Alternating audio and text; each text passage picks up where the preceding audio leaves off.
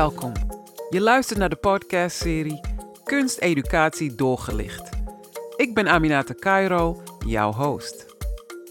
In deze podcastserie nemen wij jullie, de luisteraars, mee in de wereld van kunsteducatief onderzoek.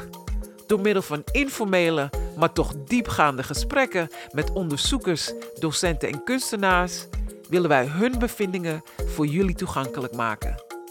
Het werk is te vinden op onze website www.ahk.nl slash lectoraten slash educatie. Kom met ons mee. Veel luisterplezier bij Kunsteducatie Doorgelicht.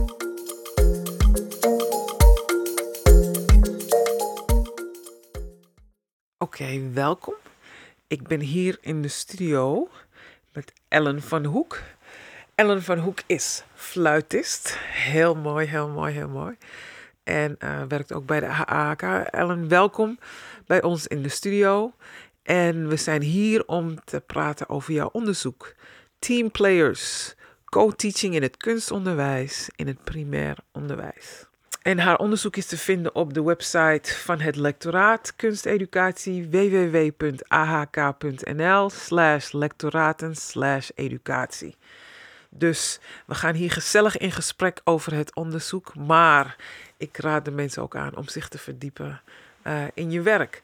En we willen graag van je horen uh, waar je passie vandaan komt. En we gaan helemaal terug naar het begin. Wie is je moeder en wie is je vader? Nou, dat is lang terug. ja, ik kom uit een gezin van vier kinderen. Mijn ouders, Wim en Ann, van oorsprong een katholiek gezin. Ja, mijn vader komt echt uit een, uh, uit een ja, waren tuinders eigenlijk vroeger. Maar mijn vader uh, heeft opleiding gehad, dus die was actuaris al, heeft die via thuisstudie. En mijn moeder was, die heeft hij leren kennen op zijn werk. Die was wel wat jonger, dus die was heel onder de indruk van mijn vader. En nou, ze hebben vier kinderen gekregen. Mijn moeder moest ophouden in die tijd met werken. Dus, uh, en, maar die is heel veel zelf, zelf, gaan doen. Die was heel creatief. Dus die heeft een handwerpakte gehaald en is daarmee aan de slag gegaan. En is daarna ook weer gaan werken toen, uh, toen wij uh, ja, om, om naar school gingen. En ik was de jongste van vier. En we hebben ook allemaal wel muziekles gehad, maar ik ben er ook wel echt in blijven hangen. Ja. Dus ik ben na een beetje omzwervingen op het conservatorium gekomen, dwarsfluit gestudeerd. Ik heb me gespecialiseerd in traverso, in barokfluit, dus van hout. Dat is wat uh, andere klankkwaliteit. Ja.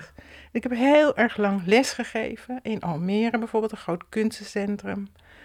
En een privépraktijk. En in Noord-Holland, in muziekcentrum Schermersgraf de Rijpen. ja, dat heb ik heel lang gedaan. Totdat op een moment, uh, aan de ene kant liep het aantal fluitleerlingen heel erg terug. Uh, maar er waren ook veel veranderingen. En toen uh, liep mijn leerlingenaantal nogal terug. Maar ik had tegelijkertijd ook al twintig jaar lesgegeven, denk ik.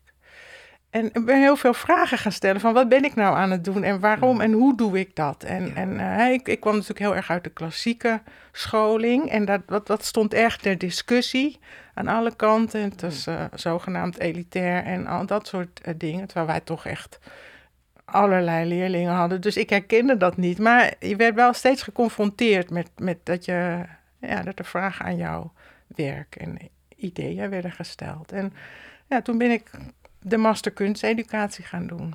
Oké. Okay. in Amsterdam aan de AHK. En daar was toen nog lector uh, Volkert Haanstra, of professor Dr. Ja. Volkert Haanstra. Uh, en uh, dus in die tijd was het uh, onderdeel uh, onderzoek. Het had veel nadruk, was wel een zwaar onderdeel in de aanpak van de AHK. Ik was het tweede jaar dat ze de master hadden, dus waren, ze waren ook nog wel erg aan het aftasten. en ik had dat nooit gedaan en dat, dat paste wel heel erg bij al mijn vragen. Ja, dus ik heb ook, mooi. ja, ik ben daarna een beetje blijven hangen in dat onderzoek. Ja. En heb heel veel diverse aspecten van, uh, ja, van kunsteducatie, vooral muziekeducatie Ja. bekijk, bekeken vanaf Mooi. toen. En nu ben je gekomen bij dit onderwerp co-teaching. Vertel me, wat heb je met co-teaching? Al, al toen ik, kijk, ik heb lesgegeven buitenschools. Nou, wij kregen best heel veel kinderen, maar we kregen ook heel veel kinderen niet. En toen kwam je dat, ja, ik weet niet precies, jaren negentig zo, eind, ja, begin 2000 of zo, kreeg je echt dat, dat, die discussie van, ja, maar het moet veel meer weer de school in. Muziek was eigenlijk helemaal uit school verdwenen. Dus daar was, kwam een hele, kwam heel veel aandacht voor. Maar de vraag is dan, wie moet die muziekles geven? En op de PABO was het ook eigenlijk vrijwel helemaal uit het pakket verdwenen. En dus er werden wel heel vaak docenten voor een, eh, een, een, een cursusje of zo de school ingestuurd. Maar ja, dat is niet wat bij mij. Ik bedoel, ik werk voor. Ik had, mijn leerlingen bleven meer dan acht jaar bij mij of zo. Dus dan heb je een heel ander traject dan als je met de hele klas muziek gaat maken en je doet dat een paar weken en dan is het weer weg. Ja. Dus ik heb mijn, mijn, mijn belangstelling is wel van hoe doe je dat nou, zodat het daar ook. Ik vind ja, dat het daar echt een plek krijgt. En, en want ik vind het heel belangrijk dat er muziek in school is. Maar ik wil wel dat het dan ook ja, beklijft. En dat het dan echt iets is. Dat, dat kinderen daar echt mee voort kunnen. Gewone leerkrachten vinden vaak dat ze gewoon nou ja, geen muziek kunnen geven. En dat geldt ook vanuit dit onderzoek voor de andere kunstvormen. Zeg ik, ja, we, zijn, we hebben gewoon niet genoeg bagage om, om kunstlessen te geven. En muziek specifiek. En, uh, maar als je daar gewoon dan een, een kunstvakdocent of een muzikus of uh, een beeldend kunstenaar in de klas zet, ja, die komen altijd met woeste plannen en die weten niet zo goed hoe ze dat vaak aan moeten pakken. Dus je krijgt allerlei ja, ingewikkelde dingen. Ja, dus er is veel discussie van hoe moet dat dan? Ik denk, nou, dan moeten we die groepsleerkrachten meer scholen en die krijgen gitaarles en die, uh, nou, die leren zingen. Hoe leer je een lied en alles? Maar dat voldoet voor mij nog steeds niet aan wat ik kwalitatief onderwijs vind. Ja. En eh, één oplossing is dat je als je nou twee mensen goed samen laat werken en hun eigen expertise in laat brengen, dan kan je, ja, kan je dat, die, die twee kwaliteiten bij elkaar brengen. En dan kan je daar samen gewoon iets echt goed van maken. Maar hoe doe je dat? Nou, één manier is co-teaching. En dat co-teaching komt van collaborative teaching af. En uh, wat echt wel, dat mensen wist, ja, hebben vaak een beetje vage ideeën, wat is het nou, hè? En, of eh, ze denken altijd al dat ze het weten, maar co-teaching is echt dat je samen vanuit de gelijkwaardigheid ook allebei verantwoordelijkheid draagt voor het onderwijs. Dat is echt waar het om gaat. Dus niet de een weet het en de ander doet een beetje mee.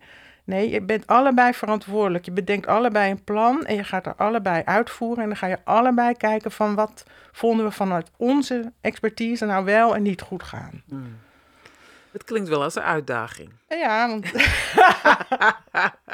ja, Weet je, theoretisch heel mooi, maar... Ja, ja, als het werkt, kan het heel erg goed werken. En er zit heel veel haak aan ogen aan. Ja. Daar zijn we in dat onderzoek ook wel achter gekomen. Ja, en daar gaat dit onderzoek over.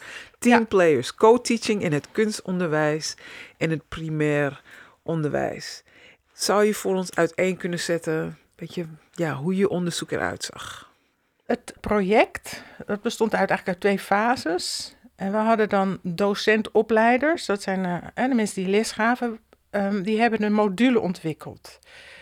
En in dit geval ging het vanuit een samenwerking tussen de PABO. Dus we hadden docenten, docentopleiders, maar ik zeg nu even docenten, want het wordt zo'n ingewikkeld verhaal. Docenten van de PABO vanuit de kunstdisciplines. Dus je geeft een kunstvak op de PABO. Oké. En we hadden docentopleiders van uh, drie verschillende instituten van de AHK. Dus uh, van de Breitner Academie, van de beeldende richting, van theater en van dans. Ja. En die zijn bij elkaar gekomen. En dit project, moet ik zeggen, is al eerder uitgevoerd vanuit muziek. Dus er lag wel een soort van blauwdruk hoe, hoe het uitgevoerd kon worden of hoe het opgezet kon worden.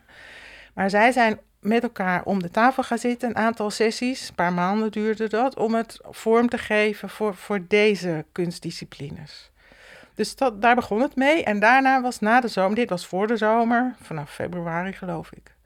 En na de zomer zijn ook echt koppels met studenten van hè, gemengde koppels, dus een PABO-student en een student van een kunstvak. Die zijn samen uh, lessen gaan ontwerpen. En die hebben dat ook samen uitgevoerd en die hebben daar samen op gereflecteerd ook.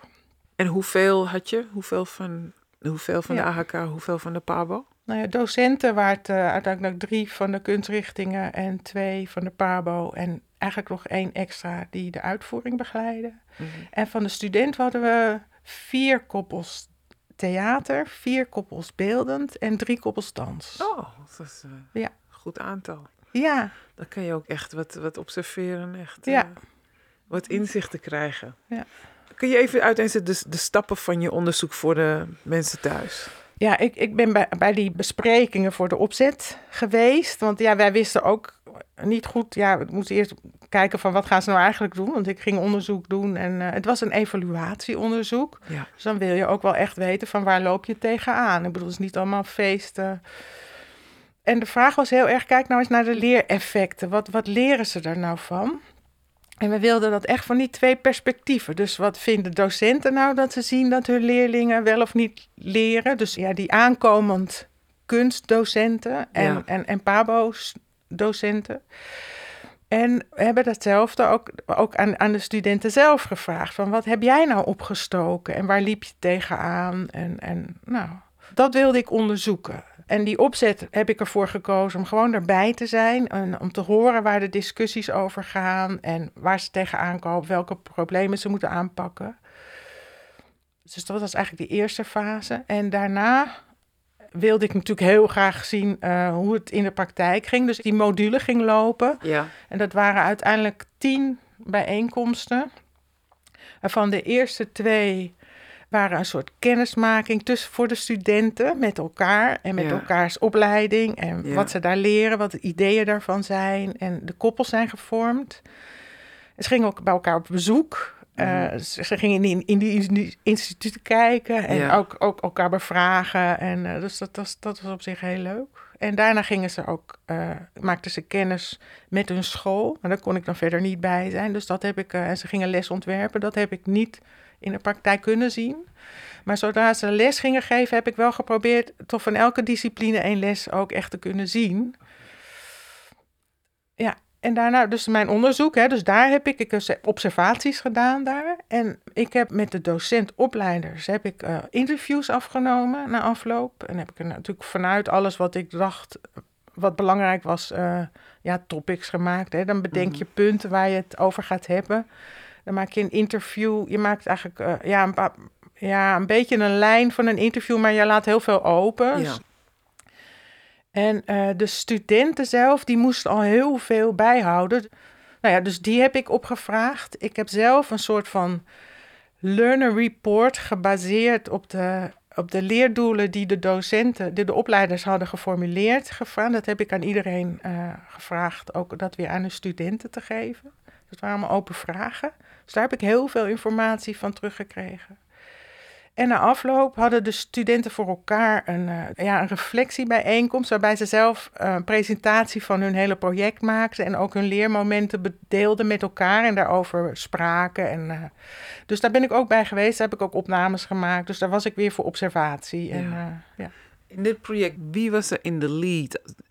Ik bedoel, het was jouw project, maar was het de docentopleiders die alles dan toch aanstuurden?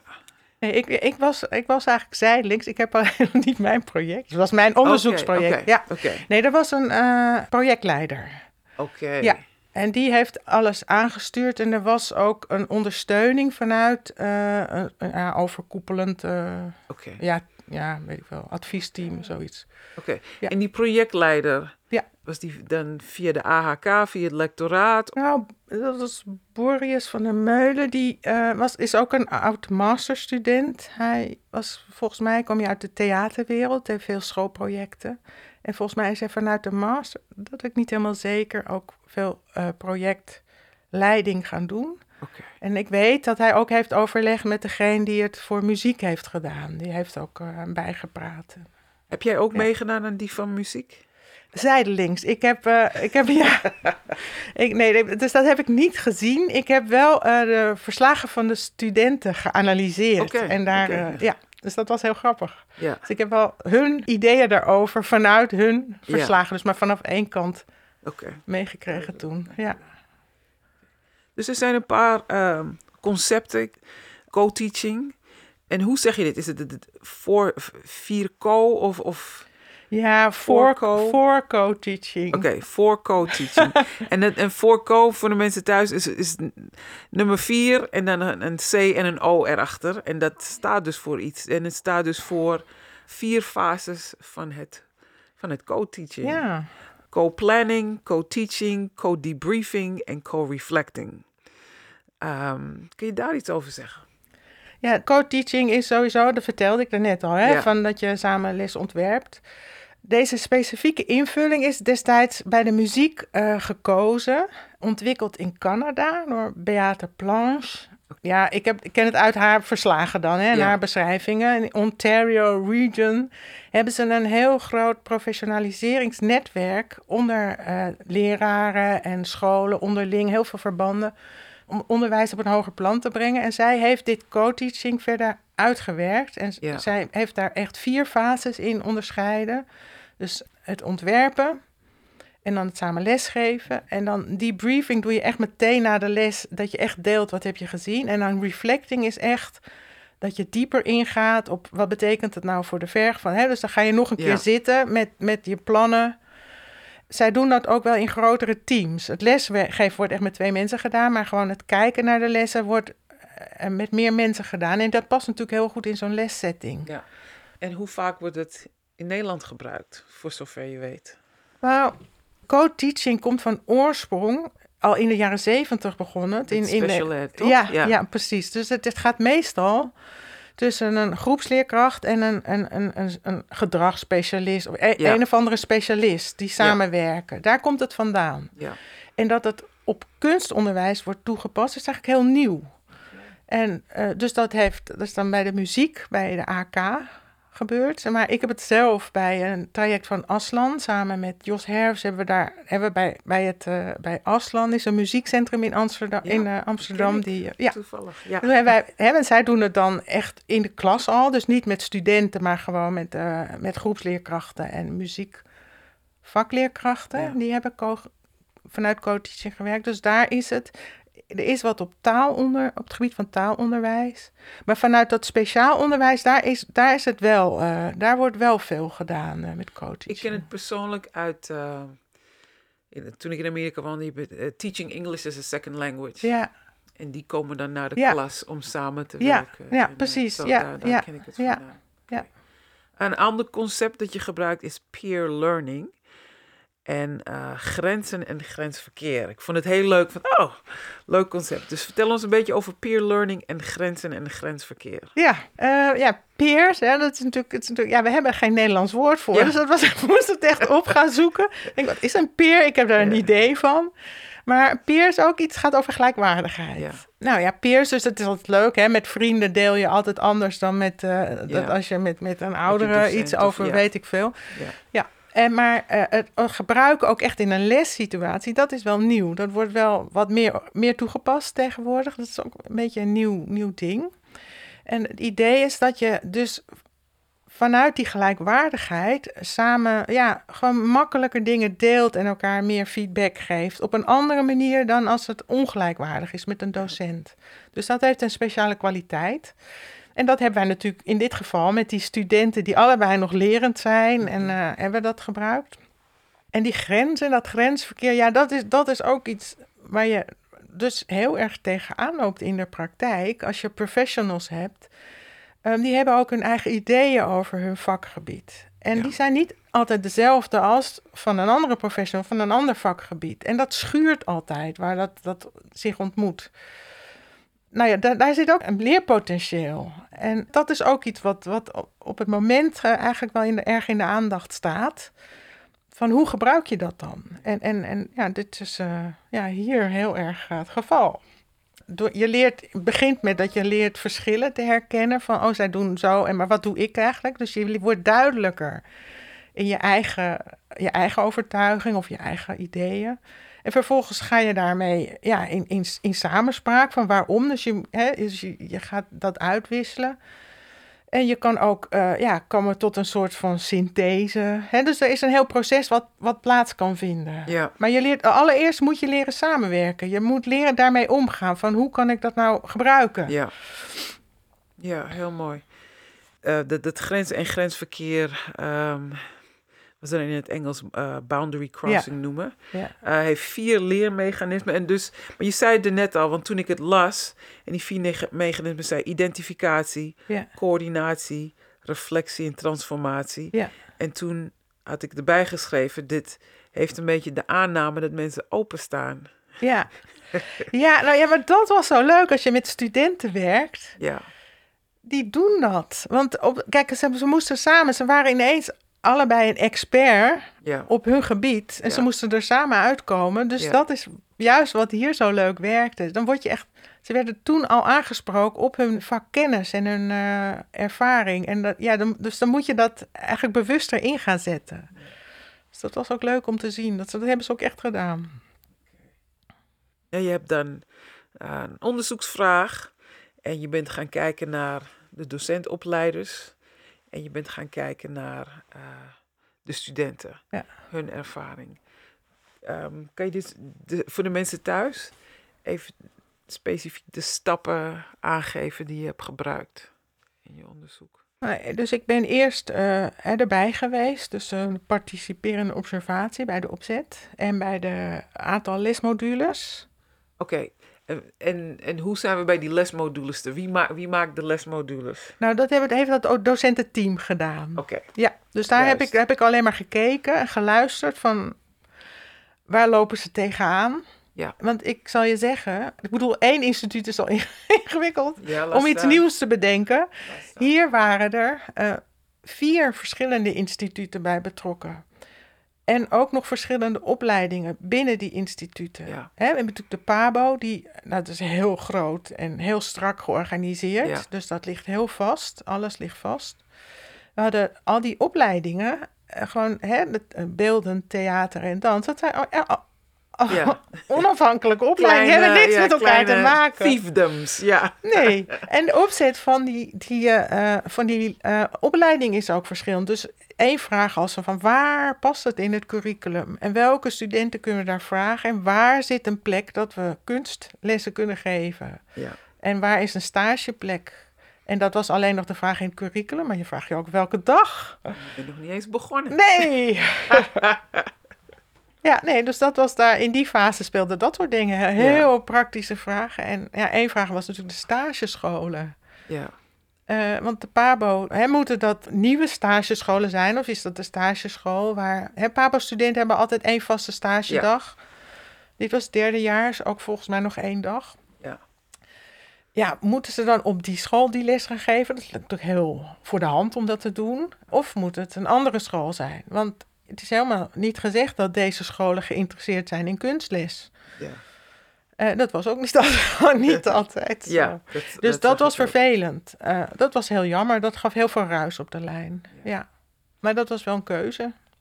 En dat is het eerste dat je hebt geobserveerd en, en toen. Dus dat was hè, het helemaal al die praktische problemen van hoe gaan we die module vormgeven, waar gaan we hem uitvoeren en alles. Dus dat, dat heb ik, eh, die Ja. vragen die daar speelden. En na de vakantie, eh, toen, gingen de, eh, toen werden de, de studenten waren al via hun docenten dan benaderd en die hebben zich vrijwillig aangemeld. De meesten hadden iets meer, meer push nodig bij de dans van de PABO, begreep ik, want die durfden dat helemaal niet. Ik dacht, ja, ik dansles geven, mooi niet. Ja, En, eh, maar dus, eh, die waren allemaal, uit- die hebben echt eh, zelf gekozen, zijn vrij- vrijmiddag mee gaan doen. Dus begon de module te draaien, dus die gingen de eerste keer kennis maken. En ik was daarbij ook weer als eh, observant. Ja, dat was heel erg leuk, want die zaten er allemaal een beetje van, ja, wat ga ik nu weer doen? Op de Theaterdansacademie. je hebt dus die projectleider. Ja, Borges heb ik verder helemaal niet betrokken bij het onderzoek. Dus ik heb me echt gericht alleen op de, de opleiders. Die heb ik bevraagd en de studenten. Je hebt geobserveerd. eh, eerst nogal wat mayhem, alleen al de logistiek om dat uit te zoeken. En toen. Ik eh, hoefde niks te doen. Nee, ik zat alleen maar, ik dacht, wow. ja, maar dat is data. Dat is, dat is ja. Ja, En, eh, en dus dat was stap één, terwijl mensen aan het uitzoeken waren. ja, De docenten hadden de lessen gemaakt. Ja, om en die, bedacht. om- ja, ja, ook bedacht. inhoudelijk vormgegeven. Ja. De kennismaking van wat is belangrijk. Ja, Hè, wat willen we die studenten nou van elkaar me- laten meegeven? Dus die krijgen ook allemaal zelf werkvormen ja, te doen in die bijeenkomsten. ja. Ja. En toen gingen die jonge mensen aan de slag. ja. En hoe was dat? Nou, toen werd het voor mij wat onzichtbaar. Want ja, dat werd verdeeld over de verschillende instituten en afspraken met de verschillende docenten. Of ze deden het zelf. eh, Dus dat was, eh, ja, speelde op scholen af. Ja. Ik kreeg dan via de, de projectleider wel alle communicatie, werd ook naar mij gedeeld. Dus ik hoorde het e-mailverkeer. Eh, en ik ben een aantal lessen gaan bezoeken. Oké. Hè, maar dat was best lastig, want dat was ook wel druk. Daar waren, want er waren al die docentopleiders die daar ook moesten kijken. En het waren vier lessen. En dat is voor kunstlessen, nou ja, is, is, oké. Maar voor de PABO-studenten, die hoefden in dit jaar eigenlijk alleen maar één kunstles te maken. Dus dat was al, Oeh, al veel meer dan ze gewoonlijk gingen doen, ja. Dat is een beetje Ja, een uitdaging. Maar fijn, dus, en, dus ik ben één van die lessen van elke discipline heb ik één les bijgewoond ook. Ja. Dus dat was heel leuk. Met, met ook meteen de nabespreking. Soms was er ook een docent bij. Dus dat was dan ook wel leuk om te zien hoe die begeleiding ging. Ja. En eh, ja, dus dat. Oké. En je had specifieke vragen voor de docentopleiders Ja, en vragen voor, eh, en voor de studenten, ja, toch? ja. Dus wat is de invulling van de module die ze dus hebben gemaakt? En welke leeropbrengsten zien zij? Ja, En dan bij de studenten had je hoe ervaren die studenten ja, de les opzet en welke leeropbrengsten ervaren zij? ja. En hoe ben je op die vragen terechtgekomen? Als je wilt weten of iets werkt, dan Ja. wil je weten wat levert je op. Ja. Hè? Want, eh, en dus aan de ene kant wil ik natuurlijk weten hoe, hoe ziet het er nou uit, want het is ook een evaluatie. Dus hoe hebben ze het uiteindelijk bedacht? En Ja. ik mo- moest ook iets kunnen zeggen voor de volgende keer waar zou het op moeten aan worden gepast of zo. Ja, Maar je wil weten, wat leren we nou? Wat, wat leer je er nou? Wat ervaar je? En is het de moeite waard? Ja, eigenlijk gewoon zo. En van beide kanten liefst. En dat is ongewoon, want meestal wordt er maar in een onderzoek... Ik heb alleen maar onderzoeken van één kant eh, gevonden. Dus dat, Ja. was, dat was wel leuk in dit Ja. geval. Dat naast elkaar te zetten. is in de tussentijd hebben wij Els al. Hallo, met Els van der Jacht. Oké, wij hebben nu aan de lijn Els van der Jacht, theaterdocent. Welkom Els bij ons gesprek. En eh, we willen graag met jou praten over jouw deelname aan het onderzoek Teamplayers, co-teaching in het kunstonderwijs, in het primair onderwijs. En jij was een van de docentopleiders die met theaterstudenten eh, heeft gewerkt. En dan samen, hoe zeg je dat, ge, gepaard samen met eh, de PABO-student. Klopt dat? Ja, klopt. Ja. Ik ben er eigenlijk heel enthousiast over. En ook wel jammer dat het eh, zo is afgebroken. Want we hebben het drie jaar volgens mij met elkaar gedaan. Oké. Het mooie is dat je elkaar een beetje uit de eigen bubbel haalt. Ja. Dus je zit toch al behoorlijk in een eigen leerbubbel. Via eigen methodes en eigen ervaringen. Ja. eh, eh, leert de aankomende docent hoe die in het onderwijs of in bij ons de theaterwereld zich gaat ontwikkelen. Ja. En dit stukje gaf zo mooi een tweeluik en zo'n soort mooi leerproces vanuit de eigen leeftijd. Dus dat vind ik een meerwaarde, dat eh, leerlingen elkaar leren. Pabel was veel meer pedagogisch didactisch en eh, eh, onze studenten zijn veel artistieker opgevoed. Hebben eigenlijk een beetje wel een mening over, ach, het hoeft allemaal niet zo stil en het hoeft allemaal niet zo eh, volgens regeltjes en doelen. En dan gaan we elkaar gewoon eh, eigenlijk teachen op waarom dat zo belangrijk is. En dan die praktijk in. Ja, dat is gewoon een hele mooie manier. Ja. Want jullie hebben de lesmodules samengesteld voor deze jonge mensen, voor deze studenten. Klopt dat? Ja, en en hoe, hoe was dat proces? Want jullie zijn dan ook samengegaan eh met die docenten van de PABO. ja. Dus ze starten altijd eigenlijk op elkaar school. Dat is ook heel mooi. Ja. Ze hebben gewoon geen idee hoe, hoe het gewoon van binnen is. En dat is ook heel erg grappig om te zien dat vorm de inhoud is. Want op de theaterschool is het gewoon veel chaotischer. Iedereen is met decors bezig, is aan het maken, aan het creëren vanuit uit zijn eigen kunstenaarschap. En op de Pabo is het heel schoon en clean en tafeltjes. En alles is opgeruimd. Dus nou ja, alleen dat gegeven al Ja. is echt gewoon heel erg mooi. Ja. En eh, ja, dat is wel een, een ingewikkeld stukje, vond ik wel, dat kunstenaarschap. Want je kan niet in zo'n kleine module mensen die kiezen voor een PABO-opleiding het kunstenaarschap bijbrengen. Maar het feit dat ze op zo'n school zijn geweest en dat we lieten ze ook in elkaars lessen kijken. Dus wat voor lessen de studenten, de theaterdocenten krijgen. Ja, dat is zoveel vrijer, dat is zoveel vanuit de persoon zelf. Dan bij de Pabo is het veel meer vanuit methodes, vanuit afspraken, vanuit dingen die onderzocht zijn, die uh, vaststaan omdat ze zo zijn. Ja, ja en, een heel mooi voorbeeld daarin is dat.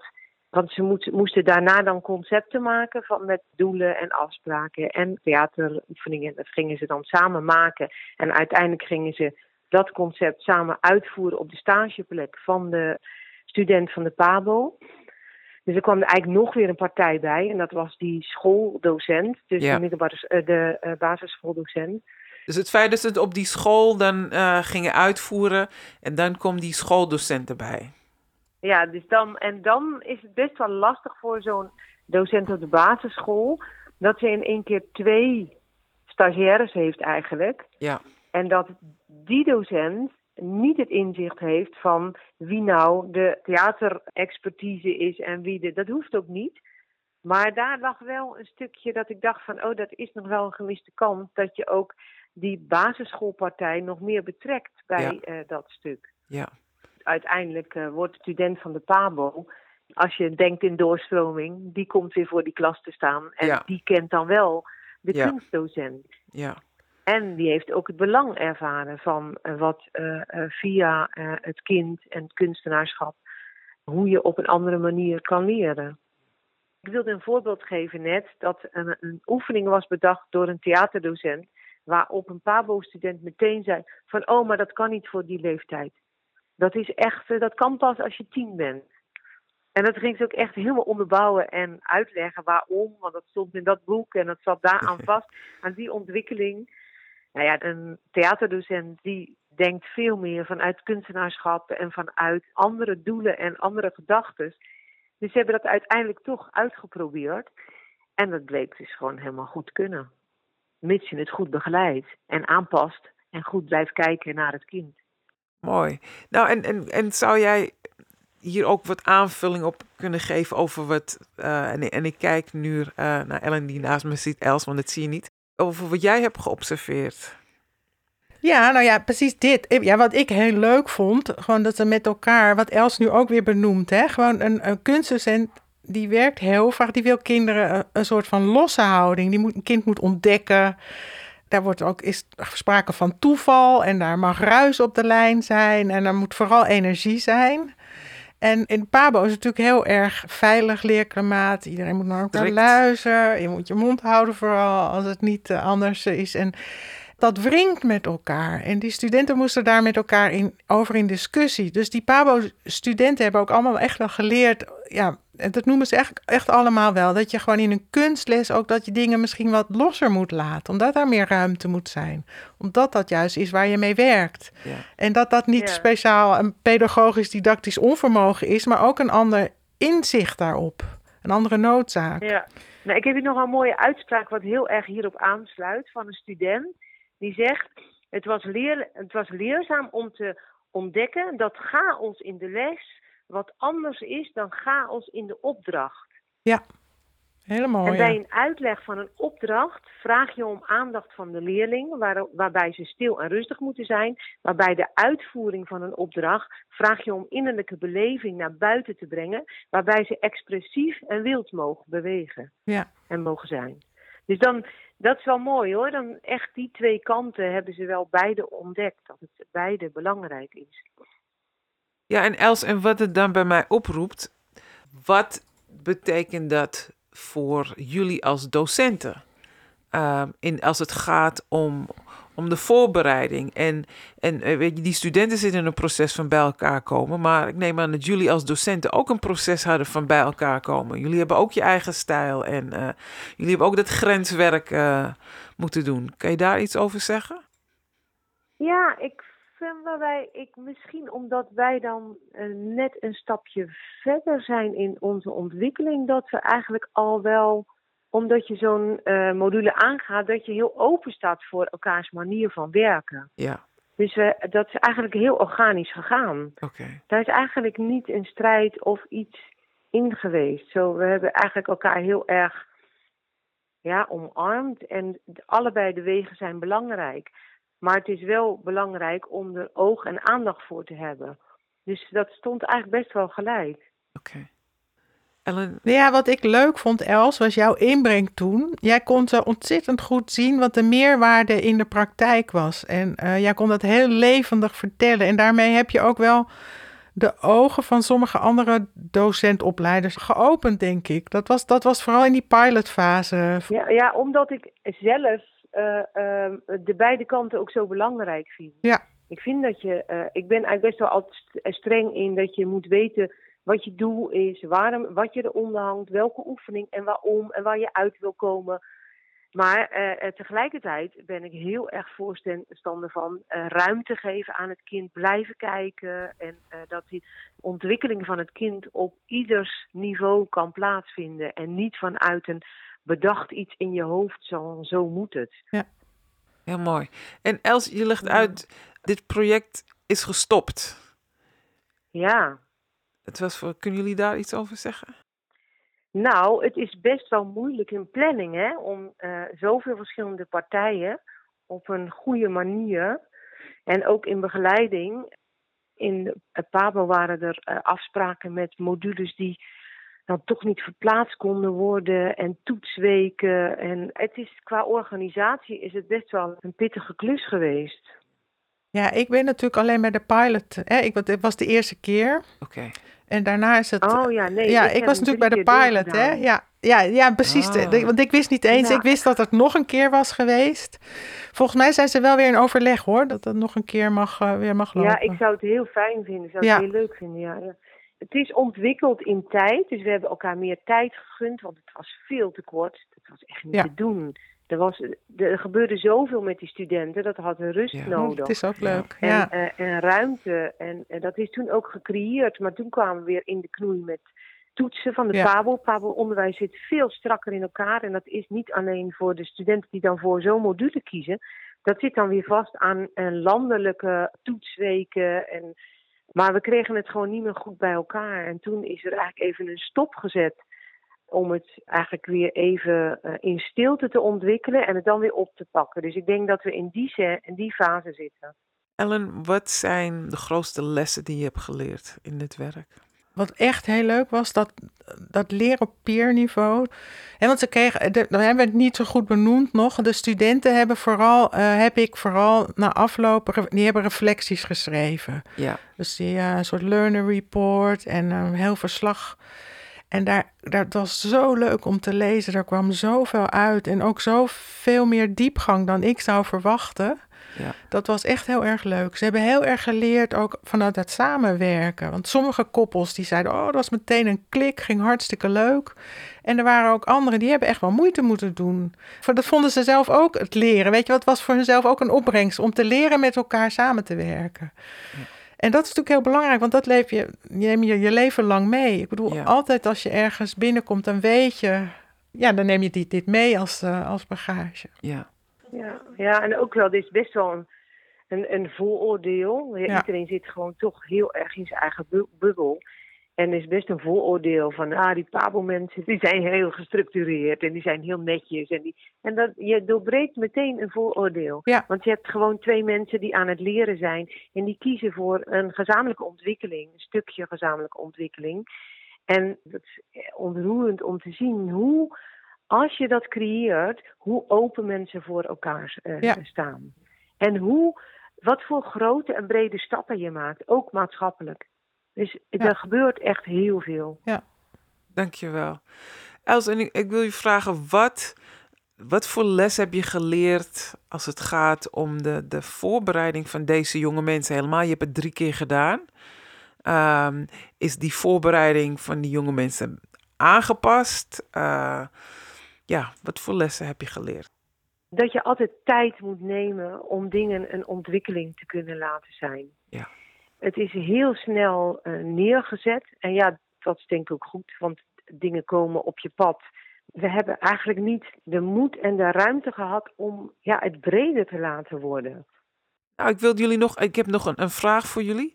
Als het gaat om inclusiviteit, hoe zie je dat terugkomen in dit onderzoek?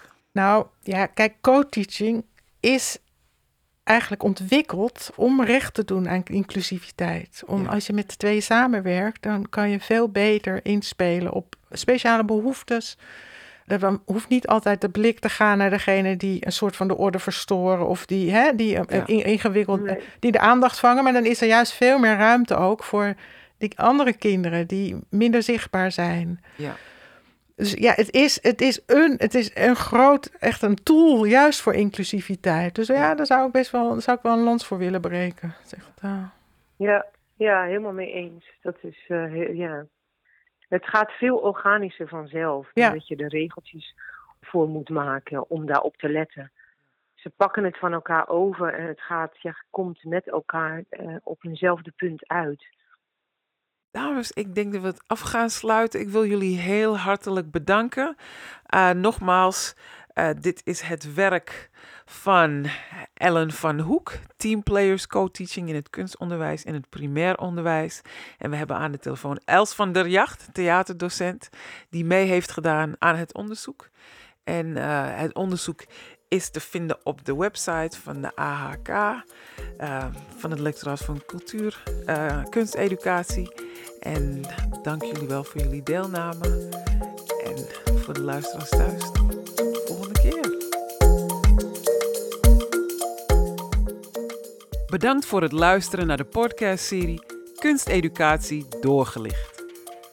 Deze podcastserie zou niet tot stand zijn gekomen zonder de geweldige bijdrage van een aantal mensen. Mart Jeninga van Podcast Studio Amsterdam, die de podcast produceert. Alle onderzoekers, kunstdocenten en kunstenaars die deelnemen aan de podcast.